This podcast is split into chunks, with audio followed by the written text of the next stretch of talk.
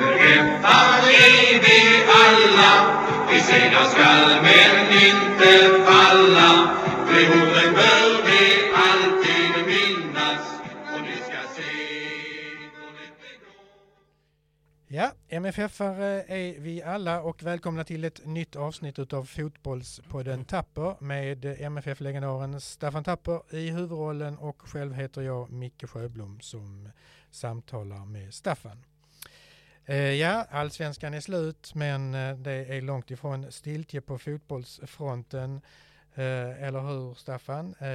Damerna är ju, spelar, Ja, det är ju landskamp Landskamper. ikväll Mm. mot Spanien. just det, vi sitter här tisdagen, tisdagen den 5 december ja. Mm, Det kallas väl Nations League. just det. Spanjorerna är väl klara segrare men vi får, kan vi få ett problem och vi förlorar och Italien vinner då hamnar vi eventuellt på tredje plats. Och eh, det har ju med ranking till nya äventyr framöver. Och eh, det är samma för herrarna att vi måste liksom vara noga med de här matcherna så vi Mm. inte hamnar långt efter. Och det innebär att det blir svårare och svårare kvalgrupperna för att komma till EM och VM och OS och så vidare. Så att eh, ja, det var en tuff match eh, mot Schweiz, nere i Schweiz, väldigt mycket snö och så vidare. Men vi har haft problem efter OS helt klart, inte minst med att komma till avslut och att göra mål, vilket är en rätt så bra ingrediens i dagens fotboll. Ja, just det. Och ehm, ja, vi har ju också haft ett kval till eh, allsvenskan. Eh, första matchen slutade 7-0. Vad, vad, vad säger du om det? Är, det? är det så stor skillnad eller vad var det som hände egentligen? Ja, Det kändes som att det var en stor skillnad. Eh, Utsikten, en nykomling, även om föreningen tror de var bildad 1935, men de var chanslösa. Jag såg den matchen och mötte ett välorganiserat Brommapojkarna som kom i ett helt annat tempo, i helt annan forcering där. Utsikten i sin ambition att man skulle spela sitt spel och göra det bra ifrån sig och visa att man skulle höra till lite finrummet. Men det gick inte alls. Eh, Brommapojkarna straffade dem enormt hela tiden och till slut blev det hela 7-0 så att eh, matchen sedan uppe i Grimsta blev ju bara en expeditionsaffär. Så Ja. att vi gratulerar Brommapojkarna och Absolut. välkomna upp i seriesystemet igen. Frågan är väl bara om de får behålla sin tränare. Just det, det är en annan fråga som vi kommer tillbaka till här, här så småningom Ja. när, den, eh, eh, när den löses. Eh, ryktena är ju heta, heta kring honom just nu men vi, vi kanske pausar den och återkommer när den frågan kring förbundskapten på här sidan är helt löst. Ja, huvudgrejen för dagens avsnitt är ju att prata skyttekungar och då med avstamp ifrån, ut, utifrån årets allsvenska och eh, att vi då fick en skyttekung igen i, i Malmö FF. Det är alltid eh, meriterande, Mm. absolut, att ha den spelaren som gör flest mål i Allsvenskan. Och i år blev det Isak Kiese. Han gjorde 16 mål. Jag tror det var väl av totalt 62 som vi gjorde. Det är viktigt att ha en skyttekung. Det är viktigt att ha någon som gör, gör många mål till oss och tar vara på alla de chanserna som dyker upp. Och det är oftast eh, en viss typ av spelare som precis som Kisse kanske inte är med så mycket i spelet, som inte har bollen så ofta. Men hela tiden gör ett enormt arbete, inte minst då även på de defensiva fasta situationerna. Men skapar sina mål och Kisse passar ju, tycker jag, väldigt bra in i Rydströms taktik eller hans ja, typ av spela fo- fotboll med relationsfotboll som man kallar det. Mm. Eh, Han gör det jobbet som han är åsatt att göra. Jag tror Rydström är väldigt, väldigt nöjd med honom. Han är väldigt tydlig med. Han gör sina mål. Han gör dem oftast i lilla straffområdet. Eh, som jag sa, inte med i spelet ute på plan speciellt mycket. Men väldigt vass och svår att ha koll på just när det kommer in i straffområdet. Mm. Så att det är bara att gratulera. Ja. Va, vad, är, vad är det som liksom karaktäris, karaktäriserar en, en, en skyttekung? Va, va, vad säger du själv ifrån dina, dina år som, som spelare och, och, och tränare? Eh, det här liksom näsa för målet som man brukar säga. Och, och En bra Ja. skyttekung, det är en, en spelare som gör mål. Ja. Det är det allra viktigaste. det ligger ju Ja, och det, det är, Vad- vad- ibland kan man, kan man inte titta så mycket på karaktärer och så vidare. Jag brukar titta på eh, tabeller i lägre divisioner. Om man tar allsvenskan så går man ner superettan, ettan, tvåan och så vidare. Så kan man alltid titta när säsongen är slut om det har varit någon spelare som har varit exceptionellt duktig på att göra mål. Mm. Och hittar man då någon spelare som kanske har gjort 30 mål på, på 20 matcher. Då ska man alltid titta på vad, vad är det för en spelare? Hur, hur agerar han? Vad har han för egenskaper? Kan man utveckla dem så man kan flytta upp honom? För det är det här liksom att ha näsa för målet eller just den här lite killerinstinkten också att våga ha kanske huvudet där andra inte vågar ha fötterna och så vidare. Så att, ja, det är en viss typ av spelare. Sen är de väldigt, väldigt olika genom åren. Alltså vissa gör ju mål på väldigt konstiga returer och baknacken och så vidare och så vidare. Men, och vissa är den här väldigt effektiva. Vissa spelare är bra på att komma fram till målchanserna men sen tar det stopp. Det blir inte mål ändå fast man får så fina läge. Så det är väldigt, väldigt många olika varianter. Har, har, liksom, har liksom karaktären eller, eller vad är en skyttekung? Har det, har det förändrats över historien tycker du? Jag menar vi har ju, ja du har ju Bosse till exempel, Bosse Larsson, vi har Gerd Müller, Roland Sandberg eller eh, ja, dagens, dagens skyttekungar. Är det, liksom, är det någon skillnad på dem eller är det samma typ av måltjuvar? Ja, de flesta är väldigt, väldigt lika. Det är väl några som sticker ut. Men om man jämför exempelvis Gerd Müller i Östtyskland 74 och spelar Bayern München och Isak Kiese så är det att det är lilla straffområdesspelarna. Mm. Det är returerna. Det är när har vara framme och vara stark i den här man mot man duellen när det är trångt och man knuffas och puttas och allt det här va. Och ändå komma ur det med en liten ett knä, en nick, en tåfot eller vad som helst så att det blir mål. Va? Det är den egenskapen som är viktig. Eh, sen finns det ju de skyttekungarna som är mer effektiva även utifrån med bra skott och så vidare. Jag tror av Kesses 16 mål så gjorde han fyra på straff, han gjorde tre på nick. Jag tror det bara är ett skott utifrån strafflinjen, 16 meterslinjen. Sen resten är lilla straffområdet. Och det visar vilken typ av spelare han är. Och det intressanta är tillbaka att han känns som en spelare som accepterar den rollen. Han behöver inte vara med så mycket i spelet utan när det till slut händer den lilla, lilla hundradels sekund när det ska göras mål, då är han framme och gör målet. Och det har vi haft nytta av. Ja. Ja, det, man, man, kan ju jämföra honom med, med en av de ja, absolut största spelarna som, som MFF har haft och också tre gånger skyttekung, Bosse, Bosse Larsson alltså, som var ju en helt annan typ av, av spelare, det, vilket är ett understatement. Bosse är ju unik i sin bit, speciellt eh, som typ av spelare hur han har förändrats så att säga hos tränarna. Vissa tränare sa ju alltid att man vill ju ha 11 stycken Bosse Larsson. Och det grundar sig på att han spelade överallt. När han började i MFFs juniorlag, innan han kom upp i A-laget, så spelade han ju centerback, mittback. Sen kom han upp och Kajan Sandell som var tränare och såg att det fanns en potential så man satte honom i kedjan och gjorde han mål med detsamma. Mm. Och sen var han ju kedjespelare fram till han flyttade till Tyskland. Och tyskarna då såg andra egenskaper så man gjorde om honom till mittfältspelare. Mm. Och sen kom han hem efter tre år och då gjorde vi om honom igen till, till forward. Och så vann han skytteligan igen. Och sen kom Bob och så gjorde han om han till mittfältare och kedjespelare och mittback. Han spelade på alla tre positionerna under Bobs session. Så att eh, en, mer, en mer varierande fotbollsspelare. Men Bosse var ju också den typen av skyttekung, alltså man sa, den här effektiviteten. Eh, vi älskar ju att se spektakulära mål. Såg någon Bajcykletas från Manchester United-spelare mm. häromveckan som mm. var helt otroligt. Mm. Så det är sånt som fastnar på näthinnan ja. hos folk, även hos oss. Men eh, Busses mål var ju liksom han spelade sig igenom, kom fri och sen bredsidade han bollen sidan om målvakten ner i hörnet och så var det inte mer med det. Mm. Och han tyckte inte själv det var så jäkla konstigt. Han sa det kan väl inte vara så jävla svårt. Och det var det inte för honom. Nej, nej. Det, det, som var enkelt för honom var ju jättesvårt för alla oss andra. Nej. Så han är, han är unik i den biten. Ja. Tittar man på andra skyttekungar så har de alltid nästan spelat i kedjan och spelat center. Ja längst fram så att säga. Ja. Där, är en annan skyttekung några år, några år senare. Eh, eh, det är eh, Jan Lildhammar Mattsson, Östers, som vann skytteligan tre år i rad. Och de, honom måste du ju ha mött rätt många gånger. Jag har mött honom många gånger i ja. Öster. Fantastiskt duktig spelare. Ja. Han, han, gjorde 31 mål en säsong. Och det, det är unikt. Ju. Det, anekdoten med honom som är roligt är ju att när Bob kom hit då 74 och året efter vi hade vunnit guld så går han ju in till Erik Persson och säger att han behöver förstärka och köpa nya spelare ju. Ja, sa väl Erik, vilka då? Ja men Lildhammar Mattsson, han kan vi köpa en. med forward.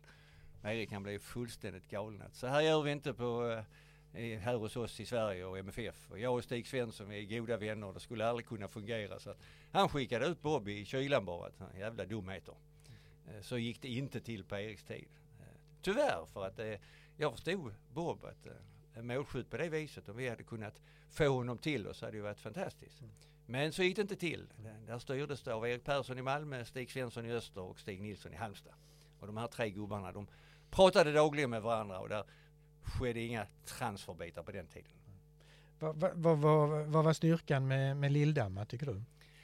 Ja det var att han behärskade både den här biten alltså i, i det korta området, alltså lilla straffområdet, men också hade han ju ett fruktansvärt bra vänsterskott. Han alltså gjorde många mål utifrån. När det kom till läge så, så hade han en enormt god träff på bollen. Va? Ett rent tillslag. Så att han kunde ju variera den biten med lilla och längre straffområden. När fick han läge så att säga även utanför så var det lätt att han gjorde mål. Mm. Och en fysisk spelare, tuff i alla bitar så att säga. Mm. Blev ju proffs också lite men lyckades inte riktigt utomlands. Eh, eh, tuff spelare på plan men lite så att säga kanske för snäll för proffslivet. Väldigt ödmjuk och fin kille.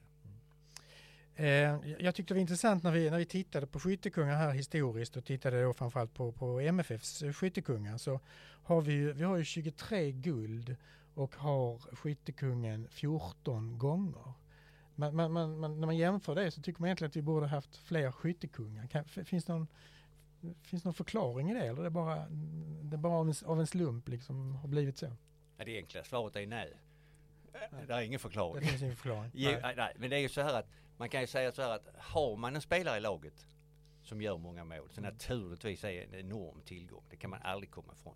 Sen samtidigt är det ju bra om man kan ha spelare runt omkring som kompletterar det också med att göra mål. Eh, jag, jag tycker det är bra om man kan komplettera som vi i vissa lägen MFF haft mittfältare, ta som AC exempelvis. Som också är duktig. En mittfältare från mitten som gör kanske upp mot 8, 9, 10 mål. Det är bra. Det är mycket bra att ha i laget. För de, då hotar man på, på väldigt många sätt. Sen är det också bra när man tittar rent statistiskt om man har kraftfulla, som vi har nu mittbackar med Cornelius och Pontus. Tittar man statistiskt, ja de ska helst göra kanske två, tre mål på hörnor var. Då har man en fem, sex mål ytterligare som man kan lägga till. Så att man ska, samtidigt som man ska ha spetsen så ska man kunna sprida ut och variera det. Och när man lyckas med det riktigt, då, då blir man guldfavoriter. Eh, om vi tittar på de, de eh, skyttekungar som vi har haft, du har pratat om Bosse självklart här, är det någon annan som du vill lyfta upp? Vi har Dag Sepanski under din tid och sen så på 80-talet Lasse Larsson och Martin Dahlin och sen har vi Idje och Niklas Skog och sen Ranegi som gjorde halva säsongen i Häcken och sen hos oss.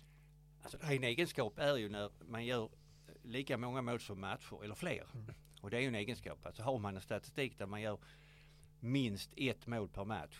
Det, det är en oerhört bra statistik. Och eh, går vi tillbaka lite grann då 1950 Ingvar Rydell han gör 22 mål. Mm. Eh, gör fler mål än matcher. Samma med Bosse här 65. Dag Sepanski gör 22 mål på 22 matcher. Det är också bra. Mm. Och, och då tar vi också guld. det kan vi inte komma ifrån Just det. unika med Bosse 1965 när han gör 28 mål är ju att han har ett radarsamarbete med Lasse Granström och han gör ju 12 mål.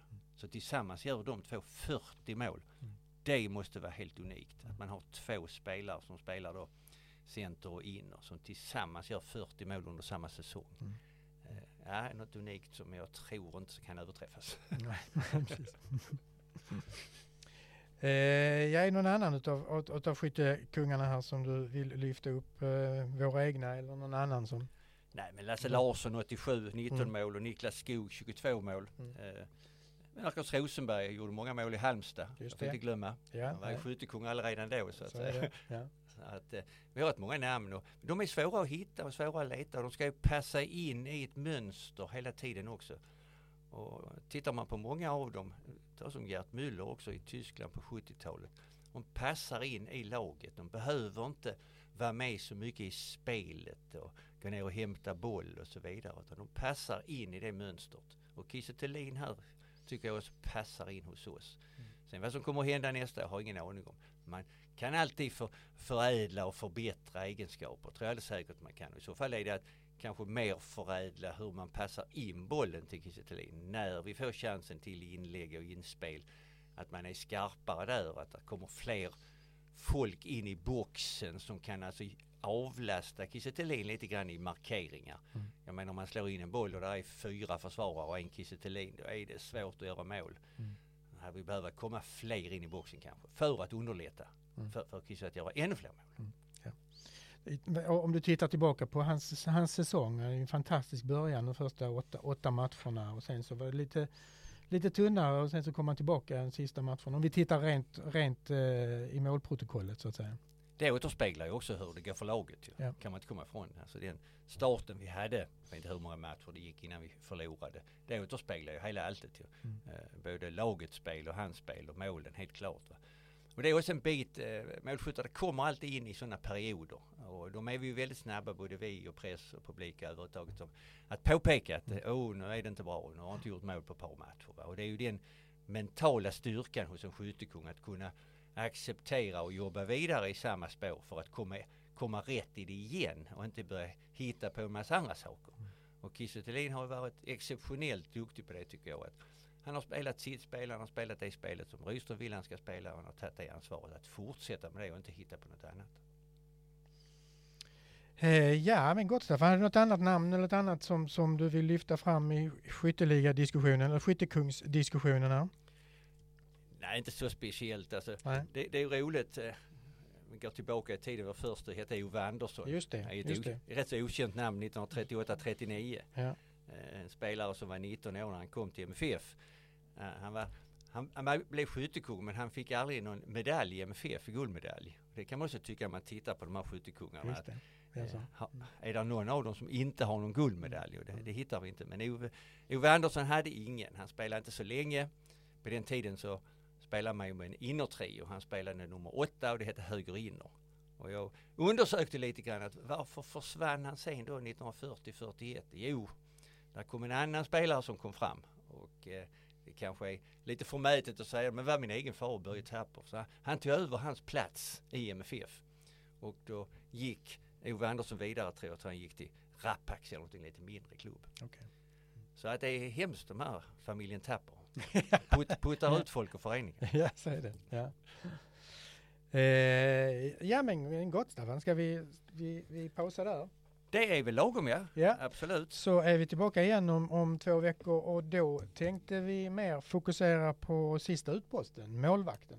Målvakterna eh, historiskt. Och även dagens målvakt självklart, eller 20, 2023 års Ja, Johan Dahlin kom väl upp i 400 matcher. Ja, så han, är, ja. han är uppe i snart, jag tror jag gjorde 402 eller någonting. Så att han går väl om mig. Ja, ja, ja. jag Shit, vet inte vad jag ska göra åt det. Men eh, jag får väl acceptera det. Fantastiskt fin människa, Johan Dahlin, känner honom väl. Eh, men eh, där finns ju många andra goda målvakter. Verkligen. Och lite anekdoter kring dem också.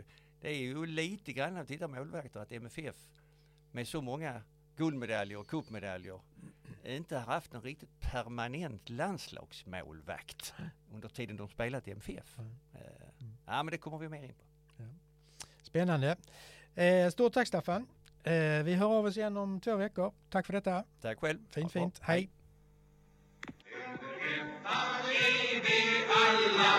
Vi segrar skall men inte falla. Och